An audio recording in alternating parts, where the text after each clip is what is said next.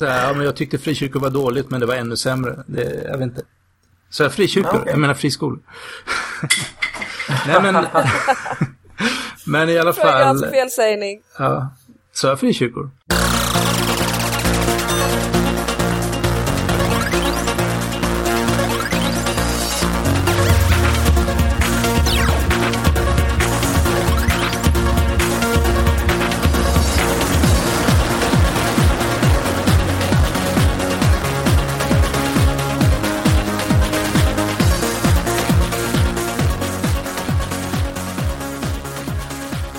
Välkommen till avsnitt 64 av podcasten Mellan svart och vitt.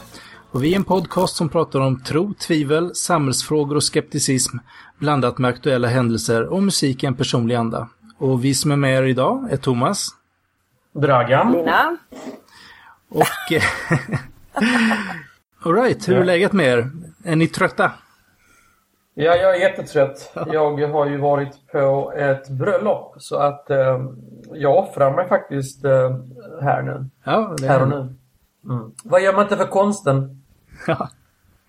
Och du har varit ute på annat bus, Lina? Yes.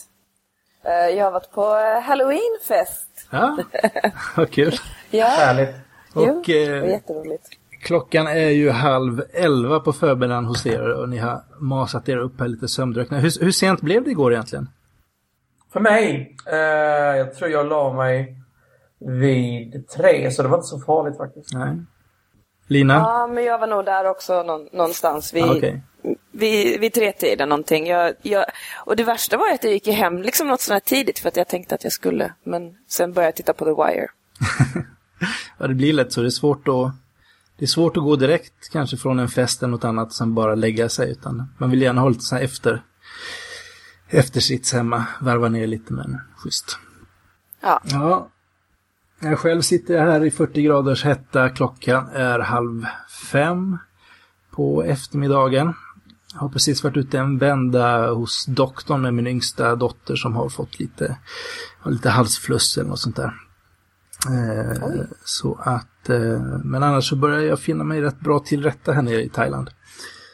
Ehm, men det är ju det här med, med tidsskillnaden som för vår del när det gäller podcasten är den är inte så ideal om man säger så. När barnen är i skolan eh, och det skulle varit jättebra för mig att spela in, då är ju klockan eh, då är ju klockan mellan 02.30 och 08 på morgonen i Sverige, vilket inte är så där jättelysande. Eh, och när klockan är 9 eller 10 en kväll, då är klockan 3 respektive 4 på natten här nere. så att, eh, ja, vi får väl se om vi kan komma överens om en eh, inspelningstid så småningom. Vi har väl inte riktigt lyckats än, men det här avsnittet blir av i alla fall. Och Lina, du har varit och eh, sett lite komedishow. ja det har jag varit. En skam för Sverige heter den. Jätteroligt. Eh, Soran Ismail och Magnus Betnér eh, turnerar just nu landet med en, eh, eh, en show som de, har, eh, som de gör tillsammans. Eh, som handlar, ja, handlar om, om Sverige just nu, hur det, hur det ser ut politiskt väldigt mycket, men också saker som man kan relatera till den politiska situationen som liksom går ner på vardagsnivå. Eh, och de här två herrarna är ju extremt eh, smarta och roliga och, och säger väldigt träffande saker. Det är, det är en kombination av att eh, skratta som man kiknar och eh, bli lite halvt chockad över hur illa det faktiskt är ställt med vissa saker i vårt samhälle. Bettner är ju en favorit hos dig, Dragan också vet jag. För mig också för den delen. Ja, det stämmer. Det Yes. stämmer och Soran Ismail är inte helt fel han heller så att det här är ju en show som jag mycket väl skulle kunna tänka mig se faktiskt. Ja, men han, det känns som han bara blir bättre och bättre Soran. Första gången man såg honom eh, som, eh, ja, det var väl med Björn Gustafsson och han, han såg ut som en liten barnrumpa. och då tänkte man ju att det där kan väl aldrig bli något, men eh, det har det faktiskt blivit. Eh, och eh, eh, vi kommer ju in lite mer på det här med Tillsammans för Sverige, eh, ja, organisationen och den här konferensen jag varit på, men det är också så att i samband eh, med det så finns det också en liten podcast som heter Tro, hopp och fördom. Och eh, där var de lite begåvade och hade med Soran Ismail och Aron Flam som också är en stand-up comedian.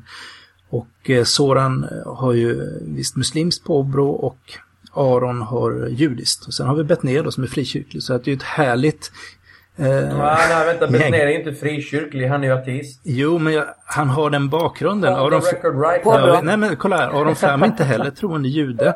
Soran, Soran Ismail är, är liksom sekulär muslim. Så att det är ju jämbördigt med Magnus Betnér. Och han är ju pastorsson och frikyrklig bakgrund. Så att det... Okay. På det sättet står de på samma, alltså, samma plats eller har kommit fram till samma Men i livet. då förstår jag dig Thomas. Ja, mm. och i deras första avsnitt i alla fall, Tro på fördom, så hade de Soran och Aron som gäster. Faktiskt värt att lyssna på tycker jag. Ja, mm. Dragan, har du Härligt. någonting sånt här i inledningen av programmet? Ja, jag har en intressant sak som jag faktiskt läste på DN, vilket jag brukar läsa rätt så ofta. Eh, jag läste där om att det var en dam. Hon tyckte att ingenjörer eller man bör införa etik i undervisningen för ingenjörer. Och summa summarum är väl, bara för att man kan göra någonting så innebär det inte att man ska göra det. Och eh, jag som ingenjör då, jag kan skriva under på det att det behövs nog. Vad tror du Thomas, du som också är ingenjör? Du sa att det behövs etik eh, eh bland ingenjörerna. Ja, för, för, för, att alla, alla kan ju inte tänka. Så att, eh, vissa, vissa måste få reda på att bara för att man kan göra någonting innebär det inte att man ska göra det. Nej.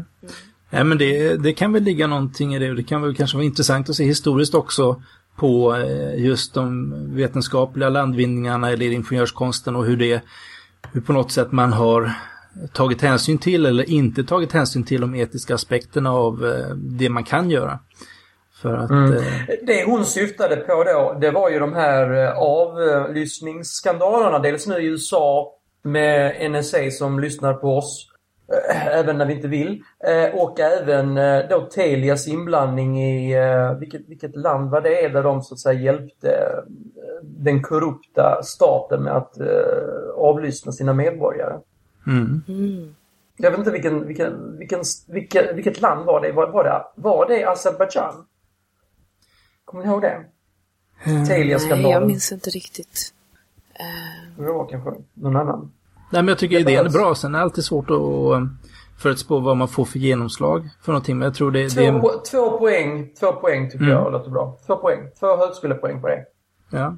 Alltså jag är helt, jag är helt för det där också. Jag, det är ju någonting som är ständigt återkommande, särskilt när man jobbar mm. med life science eh, eller bio, biomedicin. Yeah som, som eh, jag studerar, där kommer det upp hela tiden. Så här, mm. eh, men det är ju för att vi jobbar med mycket levande objekt. Men det finns ju absolut ingenting som inte säger att en ingenjör inte ska behöva reflektera över vad de gör. Som ingenjör så finns det såklart mer eller mindre etiskt tvivelaktiga produkter som man kan vara med och utveckla eller eh, förbättra. Men eh, det finns ju absolut ingenting som säger att det inte skulle vara en, en uh, nyttig del av utbildningen att faktiskt reflektera över att uh, mycket av det som ingenjörer gör slutar ju faktiskt mm. i en mm. färdig produkt och hur påverkar den människorna runt omkring produkten? Mm. Absolut, så är det. Mm. Sen så har jag funderat lite kring eh, förra avsnittet och eh, det vi pratade om kring om staten skulle sponsra utbildning i vidskepelse som, som vi benämnde det lite grann. Och eh, du tyckte ju Dragan att det, att det räckte med, med den korta introduktion som man fick i religionsvetenskapsämnet eller religionsämnet på gymnasiet. Eh, Absolut. En reflektion, jag har ju läst eh, jag har ju läst grundkursen i religionsvetenskap vid Lunds universitet och lite till. Vilket tydligen var helt förkastligt då, men eh, om man säger så i... A waste of time. Ja, precis. I den, I den kursen där så ungefär hälften tror jag skulle bli präster. Vad tror du den andra hälften skulle bli? Ingen aning. Religionslärare. Jaha. För någonstans, okay. de som ska undervisa i religion på gymnasiet, de måste ju på något sätt läsa mer än de här tio sidorna i sin gymnasie eh, bok. Så på något sätt måste du ju, vi måste ju utbilda de som ska lära ut också. Men det förstår du väl själv Thomas, att ska man, ska man bli lärare i religion så måste man ju ha den biten. Men om du inte ska bli lärare i religion, om du ska bli imam eller präst i Svenska kyrkan så, så vill inte jag ha mina, så vill inte jag att mina skattepengar ska gå till det.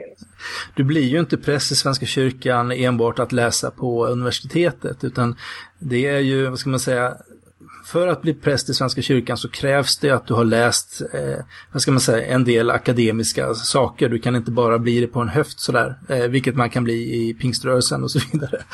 Eh, men eh, mm. ett tag till i alla fall.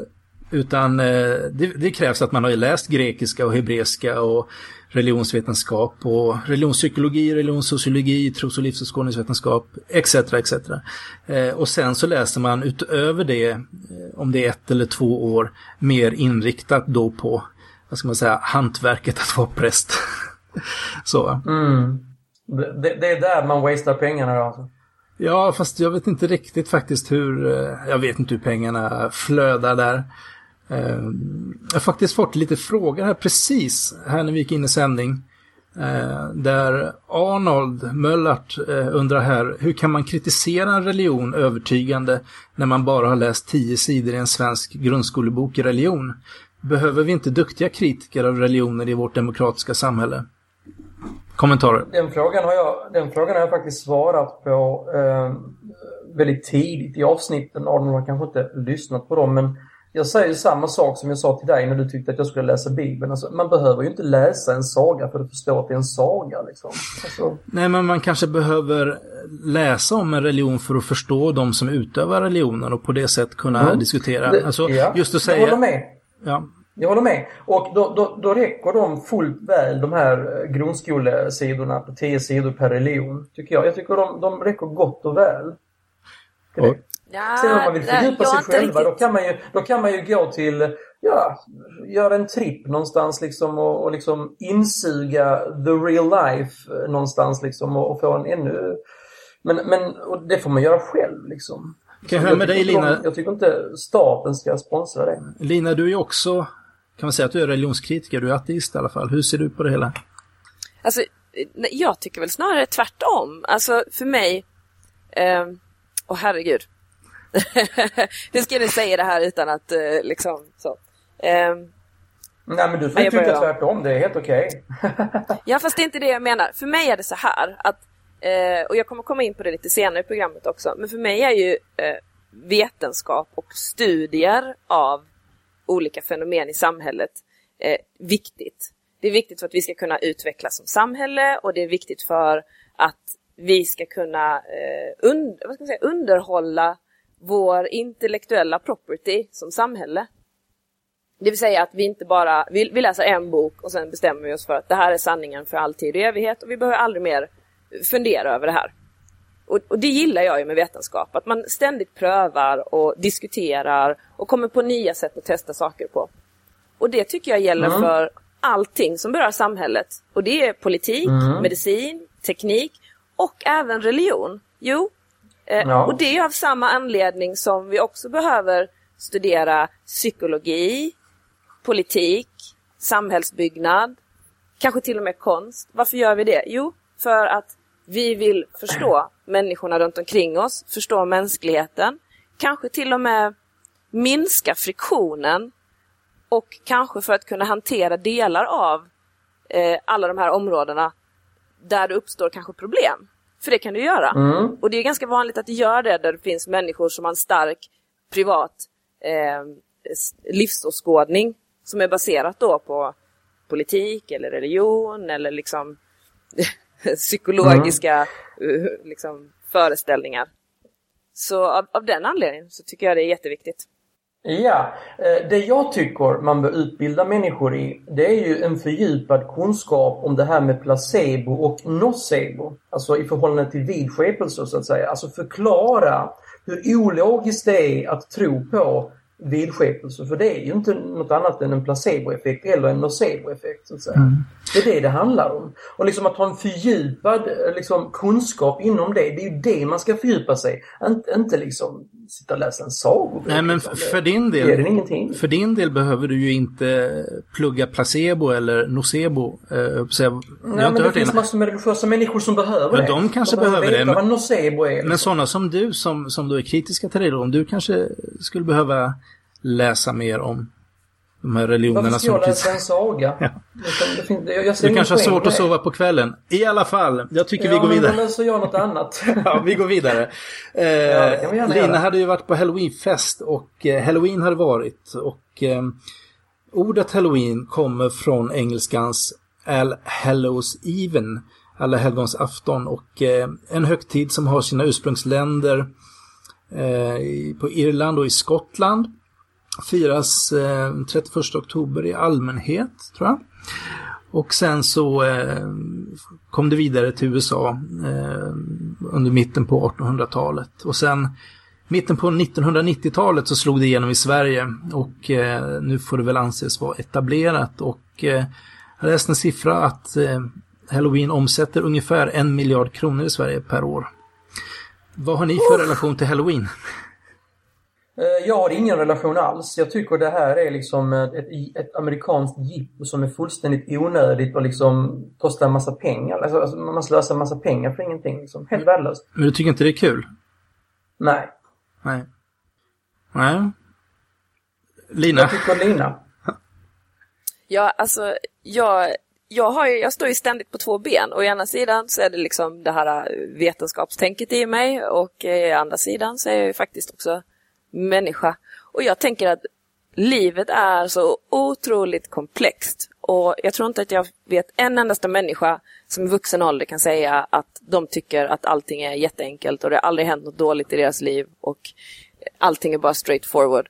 Och då kan jag tycka så här att alla ursäkter du kan ha att träffa dina vänner, dricka gott, äta gott, sätta ner och slappna av och kanske hitta på något lite utöver det vardagliga.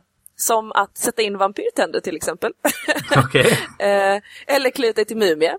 Eh, varför inte om du känner för det? Det är en mörk tid i Sverige just nu och för mig så finns det liksom inga religiösa påbud i det här. Jag, jag är inte troende så för mig är det ju bara ett, ett roligt sätt att eh, inleda en, en mörk period i, i den svenska... Det, det, det finns ju troende som blir kränkta av detta. Eh, Tommy Hedman, vad heter han Tommy som vi hade med i programmet? Tommy eh, Dahlman. Tommy Dahlman, mm. han var med i SVT Debatt. Han, han kände sig kränkt att folk gick omkring liksom med eh, döda människor, zombies och sånt för att han, han hade en, en stor respekt för den här alla helgona dag. Han tyckte det var väldigt kränkande. Så mm. det, det, finns ju folk som blir kränkta av det. Ja, men det känner det är också jag ju igen. som man kanske bör Ja, men det, det, känner jag igen. Eh, det är väl någonting som har pratats om i kristenheten. Ja, sen då halloween fick genomslag i Sverige och, och det är just att vi har den här eh, dagen där man går till kyrkogårdarna och eh, tänder ljus och tänker på de döda och då när man är på väg till kyrkogården då och ska minnas sina förlorade, att, att möta ett gäng då med, med pumpamasker och eh, ja, så, skräck, eh, men som, som går runt och ser ut som kommer direkt från en skräckfilm. Det, det känner man kanske då inte är så trevligt, men jag vet inte, jag känner, jag vet inte om Halloween och Alla helgons dag inträffar samtidigt någon gång i Sverige för att eh, jag tror att de ligger på olika dagar och det gör att det känns kanske lite ja. mindre Eh, alltså skulle halloween ersätta alla helgonsdagar tror jag skulle bli ett himla liv eh, i vissa läger. Men Men... tänk dig nu här. Tommy, vänta, Tommy Dahlman heter han va? Ja. Tommy Dahlman. Han tror ju på, på spöken och sånt liksom. Det är, det är ju lite känsligt att folk klär ut sig till det Ja, nej men han... Eh, Ska man inte ta hänsyn till han, det? Han tillhör ju de bland många som tror att det finns en andlig dimension. Eh, ja, precis. Alltså, när människor klär ut sig till det. Ska man ta hänsyn till det? Både änglar och demoner ska... och eh, ja, så va. Men, och, men ska man ta hänsyn till den vidskepelsen? Eller ska man strunta i den? Nej, alltså jag menar det är väl upp till var och en om man vill ta hänsyn eller strunta i den. Han har ju också rätt att ha en åsikt. Eh, så va. Eh, och, eh, Men det är en intressant fråga. Jo, alltså för min del så har det blivit så här att eh, det här med halloween har väl ersatt det här med påskkärringar nu eh, de senaste åren. Mina tjejer gick påskkärring för kanske en tre, fyra år sedan men nu så tycker de ju det är töntigt. Um, så, nu, så nu går de med halloween istället då och sen så brukar de ha någon halloweenfest i klassen och lite sånt där. Så att eh, det tycker alltså, de är, är roligt. Är det, inte, är det inte det trist att man har liksom tagit, äh, någonting från USA och liksom marknadsfört det för att tjäna pengar? Är inte det trist? Behöver man inte hålla på de svenska traditionerna, liksom påskkärring? Är inte det roligare liksom? Hålla kvar vid dem liksom? Ja men nu, nu är man, det en svensk tradition. Varför ska man ta något från USA för? Varför ska man ta något från USA? Ja, det kom ju från Irland och Skottland från början men sen så hade det ju då, ja, har det väl kommersialiserats i USA egentligen då. Ja. Ja, det är keltiskt det, det, från början. Det, handlar om. Det, det, det är kommersiellt liksom. Mm. Det är liksom affärerna ska tjäna pengar liksom. Det är mycket möjligt att vi kommer att fira Thanksgiving och, eh, och eh, så också framöver. Det, varför inte? Men alltså jag, när jag, jag tänker på Halloween så, eh, så kan jag ändå tycka så här att särskilt i Sverige där vi har så himla mycket ångest inför döden och liksom de mörka sidorna av livet så tycker jag att det är nästan bara nyttigt att vi har en sån här högtid där man faktiskt kan få avdramatisera sådana här saker som mm. eh, eh vidskepelse, rädslan för döden, rädslan för dödsriket. Jag menar, folk som på, på, nästan varenda halloweenfest finns det någon som har klätt ut sig till döden mm. eller till eh, en sugar skull eller, eller ett skelett eller, eller någon typ av eh, personlighet som är, redan är död, typ mm. Dracula eller mumier eller spöken eller vad det är. Mm. Jag, jag, tror faktiskt det är nyttigt. Sverige behöver det. Jag Vore inte se, intressant att se så dödsfrekvensen över tid så här, om det är någon topp på halloween på självmord eller att folk bara trillar av pins här och blir Nej, ihjälskrämda av någon tjej vampyrtanter så här. Ja, Nej. vi får väl se. Eh, men om vi går vidare lite så eh, till vår huvudavdelning.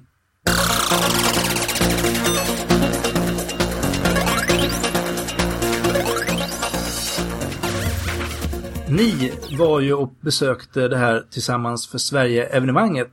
Och eh, ni kan väl berätta lite om vad som hände där? Dragan?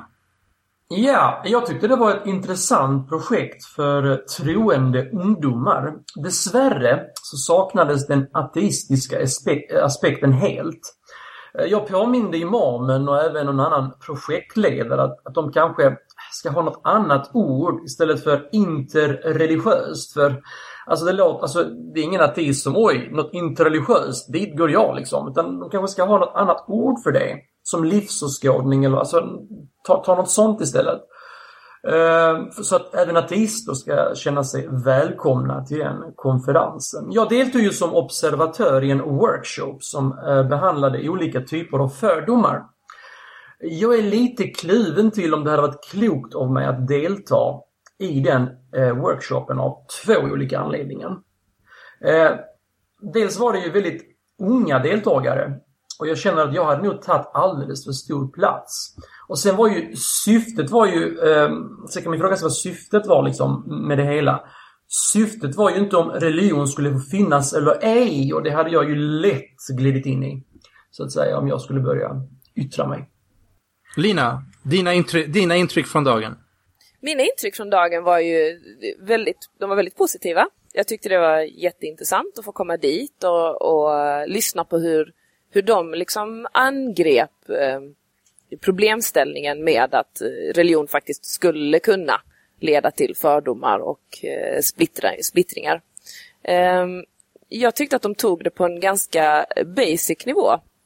Eh, de pratade väldigt mycket om mellanmänsklighet och medmänsklighet snarare än att man satt och, och jämförde bok med bok eller lära med lära. Och det tyckte jag väl var ett ganska bra, för man får inte glömma att det här var ju liksom mer menat som en kick-off. De försökte skapa en, en startpunkt för ett projekt som ska pågå ett tag framöver. Ja, och jag tyckte att det var, det var liksom ett ganska bra eh, utgångsläge för de olika eh, religionerna att mötas. För det var ju som sagt var inte religiöst.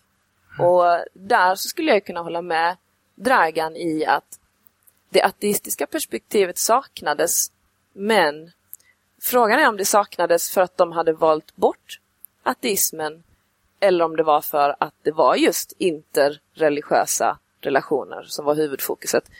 I den här workshopen som jag var med i så eh, satt de och diskuterade och alla var ju väldigt samstämmiga i att ateism, det var också en tro som vilken annan.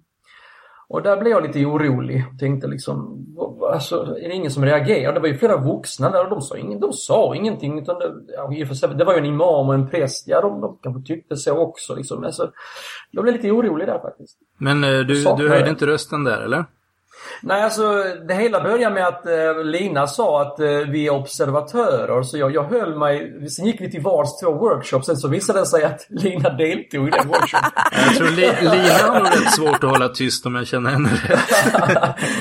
sen, sen, sen, när jag kom ut så, va? Deltog du? Vi skulle vara observatörer liksom. Men så, så det, det blev lite, kanske lite missförstånd där. Men sen så kan man ju fråga sig om, jag, om det hade varit rätt av mig att, att delta där. För, för jag tror att för syftet var ju inte om religion skulle finnas eller inte, utan det var om att, att religionerna ska, ska motverka rasism och främlingsfientlighet. Alltså det var ju det som var syftet egentligen. Mm, mm. Så att jag, jag, jag hade nog... Jag, jag, jag är lite kluven om, mm. om, om det hade varit klokt mig att delta. Men du fick inte möjlighet, alltså lite mer mellan workshopen och, och prata någon, någon eh, jo, jag, vidskeplig jag... Eh, stackars ungdom till, till rätta eller så?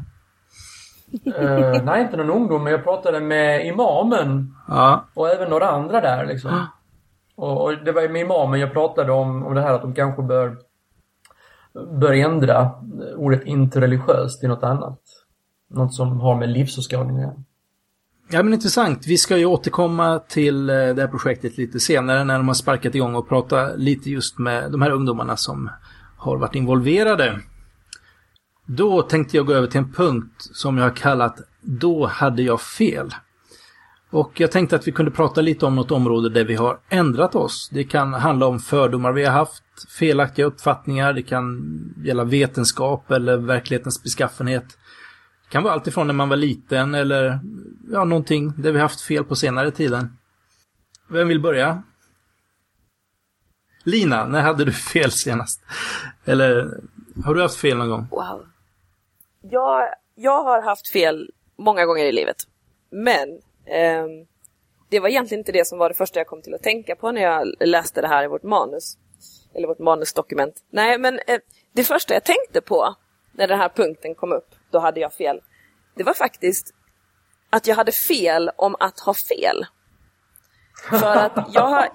Ja, jo men lyssna nu här. Ja, det var intressant.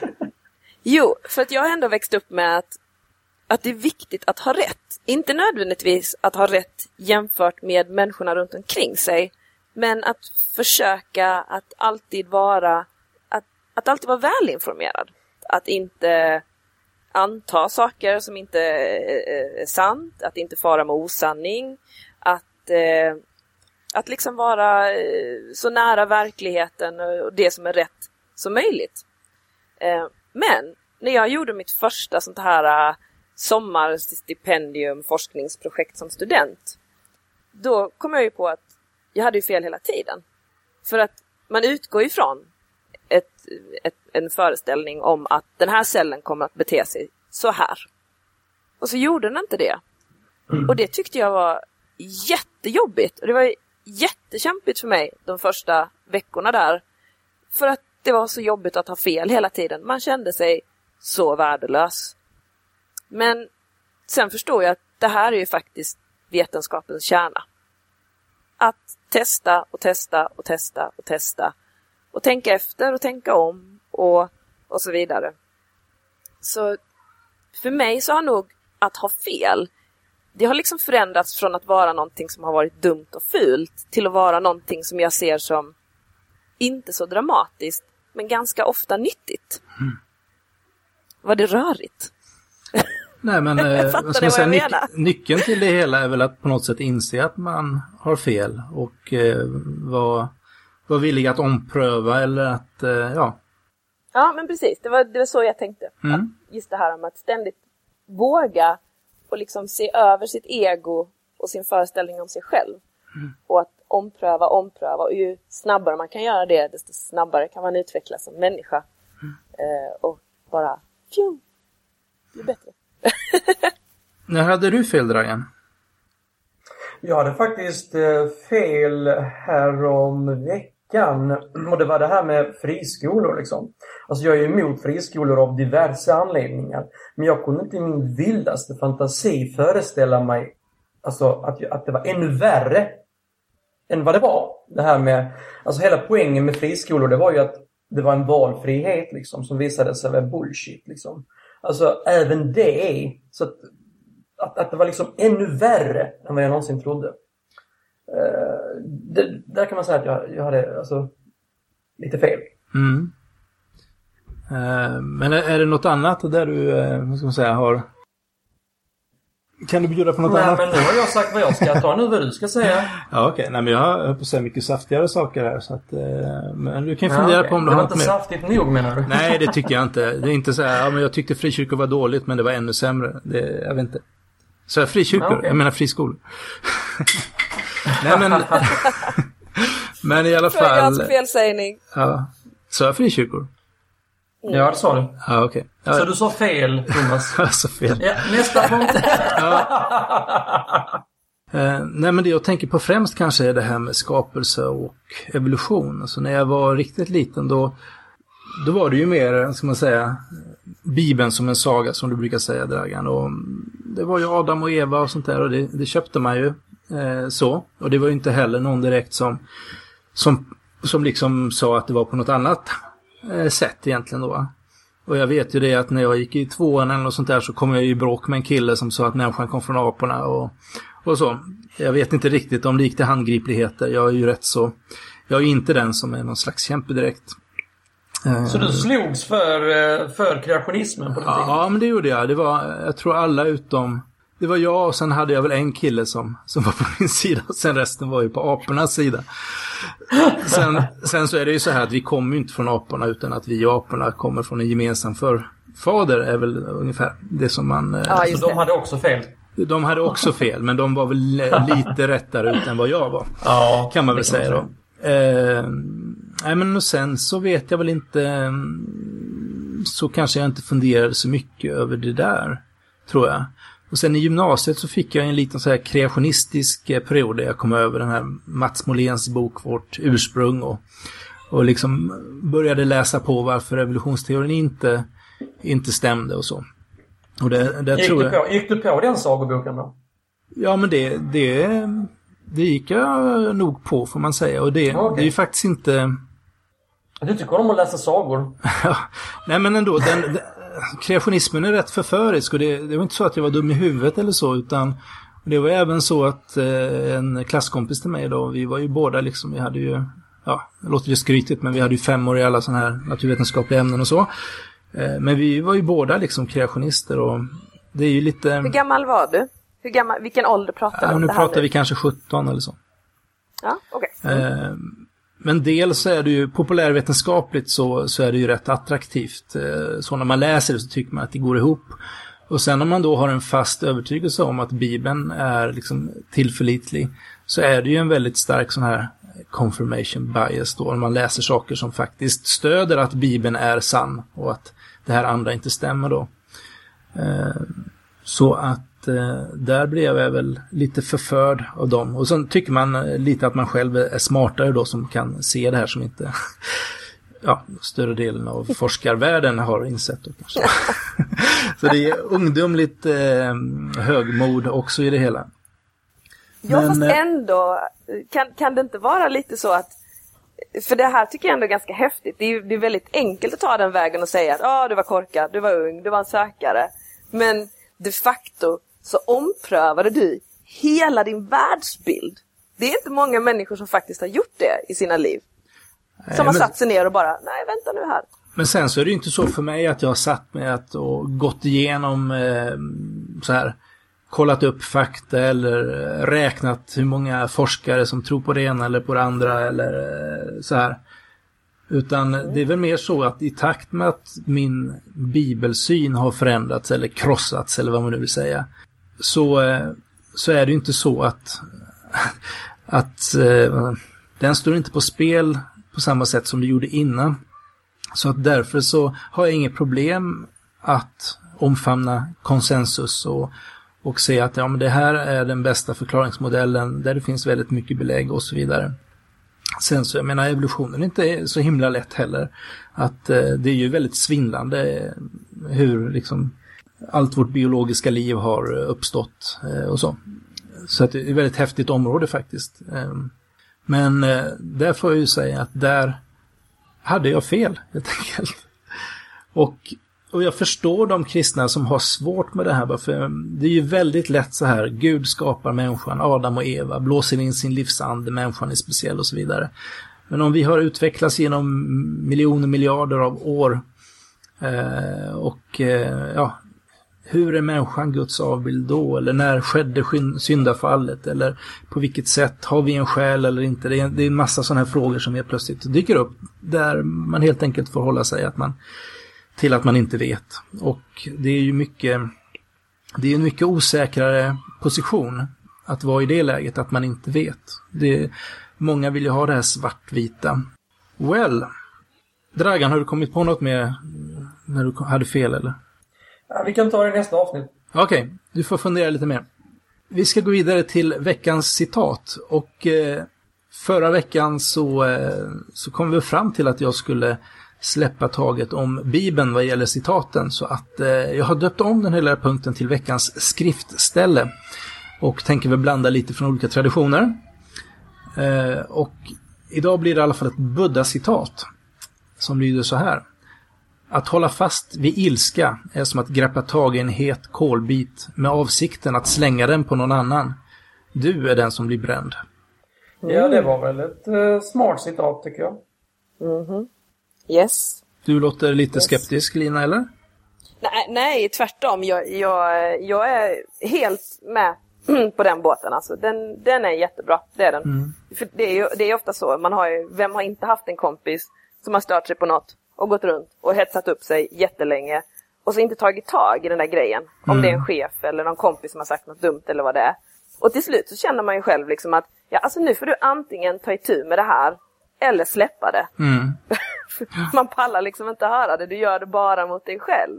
Mm. Uh, jag är helt, helt med i det. Jag tror lite Sebastian, vår zenbuddhist som vi hade med för ett antal avsnitt sedan, han pratade väl lite om det här också, att när man, när man kan se att den här, eh, den här ilskan i det här fallet då, att det är inte jag, det är någonting som kommer förbi mitt sinne eller så, som jag egentligen kan titta på och egentligen avgöra. Är det här någonting som jag måste ha eller kan jag bara kan jag släppa på det, bara låta det försvinna? För att eh, det ligger ju hos en, en själv här och sen antar jag, men ilska kan ju också vara en, eh, ska man säga, någonting man hämtar kraft ur men det är väl det när man kan, när man kan förvandla det till en drivkraft. Mm. Det, då, då, blir det liksom olika saker. Att antingen så går man bara runt och hetsar upp sig och är typ hatisk. Eller så förvandlar man det till en drivkraft för att åstadkomma förändring. Mm. Ja, det är bra. Det är, liksom. Och kanske vara arg på orättvisor i, i världen. Men att hela tiden gå runt och vara förbannad på grannen som man träffar varje dag. Det kanske är bra man kan. Ja, onödigt. Dragan, har du något nytt citat? Ja, det har jag. Och det har också med de här friskolorna så att säga som eh, kom fram i veckan. Jag eh, kommer med ett tweet här då. Det är lyder Valfrihet? Frågetecken. Hashtag ironi. Hashtag granskning. Det var ett citat alltså? Ja, ja. okay. Eller en tweet då. Kan bli en klassiker. Ja, men vem vet? Vem vet? Jag kan hålla med dig om någonting vad gäller det här med friskolor och valfrihet. Det är ju att, vad ska man säga, det blir ändå en, en viss segregering. Det, det är inte alla föräldrar som, som eh, gör de här valen. Eh, av olika skäl. Jag vet inte. Det var väl en av anledningarna till att inte vi satte våra barn i en friskola sen. För det kändes ändå som att att det blir lite väl homogent. Så. Och sen prioriterar men, vi men nu, närheten istället. Men nu när valfriheten visar sig vara bullshit. Jag ser, det var väl den enda poängen med friskolor. Fanns det någon annan poäng med dem egentligen? Nu har jag inte sett Uppdrag granskning här och de tar ju alltid fram eh, exempel som, eh, som är liksom vidriga, höll jag på att säga. Men eh, det är väl, ja, det finns så mycket valfrihet där också. Tycker du? Ja, men det tror jag. Det är väl inte, det är väl inte så att... Du kanske ska se programmet, eh, Thomas? Ja, jag kanske ska se programmet. Ja, precis. Så kan vi ta en diskussion efter det. Ja, alltså jag, jag tänker ju på det här med att liksom de föräldrarna som verkar ha varit mest aktiva, de, de samlar ju liksom sina barn på ett ställe. Det blir lite så. De som är aktiva, de, de dras till vissa skolor och då slutar det med att eh, det finns en viss typ av elever där och eh, sen blir det resten som blir över. Um, och det är väl det som kanske är lite sådär, eh, för min del så har jag funderat mycket, men varför väljer de föräldrarna att flytta sina barn till andra skolor? Det är jag mer intresserad av. Är det för att de vill ha någonting som finns på den skolan eller är det för att de väljer bort någonting som finns på den skolan som barnen hade hamnat på utan ett val? Mm. Men sen är det så här, jag menar, om mina barn skulle på något sätt bli trakasserade eller ja, av olika skäl inte trivas på sin skola så skulle jag definitivt satt dem i en annan skola och, eh, och skulle då inte funnits kommunala alternativ som är vettiga då skulle jag definitivt satt dem i en friskola. Och eh, det är väldigt svårt att, jag menar, vi har ju valfrihet. Det är väldigt svårt liksom att säga Nej, det är det vi inte har. Det, det är ju det som är poängen med hela den här granskningen. Alltså gre- grejen var ju den att de- tog ju två färska. De tog en, en tjej som var eh, som de målade upp som väldigt eh, duktig. Och så tog de en kille som var lite stökig. Och de gick till x antal friskolor och fick samma resultat. Det var ingen som ville ha killen. Nej. Medan alla ville ha tjejen. Så att det här med valfrihet, det finns inte. Det är bullshit liksom. Och då, Ja, men det är väl så att mig, valfriheten om, fungerar om det inte är borta, Om det är borta, vad är poängen då? Men det är ju så att tyvärr verkar det ju då vara så att, att den här valfriheten inte riktigt gäller för alla och det är ju fruktansvärt förstås att det är så. Eh, Men sen, alltså jag menar, man ska inte dra alla över en kam här heller. Liksom. Ja, men Så om att- 10% funkar och 90% inte, ska man Ja. behålla skiten då? Jag vet inte om det är så. Så att, eh, men jag hör vad Men du säger. alltså det är ganska, det, det som är intressant det du säger Thomas, det är ju det att du säger liksom att ah, om, men om min dotter skulle fara illa på något vis, eh, då, då skulle jag flytta henne till en annan skola. Och, och det är ju liksom, jag tycker att det, det är det liksom, jag håller med dig, det är klart man ska göra det. Men hur vet man det innan? Hur vet, det, det är liksom det, och, det är väl, och det är väl det som jag tycker lite är problemet, att en del föräldrar verkar förutsätta att om det finns en viss etnisk mix, eller om skolan ligger i ett område, eh, ett, en speciell sorts område, så tror de sig veta hur deras barn kommer att ha det där innan de har testat. Och sen såklart man kan ha hela diskussionen om, ska man ha sociala experiment på sina barn? Men jag, jag kan ändå Ja. tänka lite så att det finns ju en del vinster med att börja någonstans och testa. För det finns ju så himla mycket saker man inte vet liksom, som kan vara oerhörda fördelar för ens barn i framtiden. Det finns ju som bara en sak egentligen själv, att eh, vill man inte ha det får man rösta på Vänsterpartiet. För jag kan tänka mig att det är de enda som är helt emot friskolor. Så att, eh, och då får man väl en del annat på köpet som man kanske inte är så jätteglad åt. Jag vet inte. Ja, det är det som är skit med politik. Man får en massa skit på köpet som man inte vill ha. Nej, precis. Men Det är inte bra. ska vi glida över till eh, lite eftersnack eller? Det kan vi göra. Ja, vi någon kommentar till dagens avsnitt? Det var ju kul att vi fick till i alla fall tycker jag. Ja, vad kul att eh, du eh, klarar av att hitta någon tid som eh, du kunde vara med och spela in på. Så det är kul att vi hittade någonting där vi alla, där vi alla kunde. Ja, precis. Och sen att tekniken funkar. Jag sitter ju faktiskt hemma i villan nu här och internetet funkar ju helt okej tycker jag. Så att eh, Ja, härligt. Ja, ja, det har inte varit så mycket konstigheter där. det har inte varit så mycket tjall på linjen. Mm. Vad har du lärt dig, Thomas? Vad har jag lärt mig?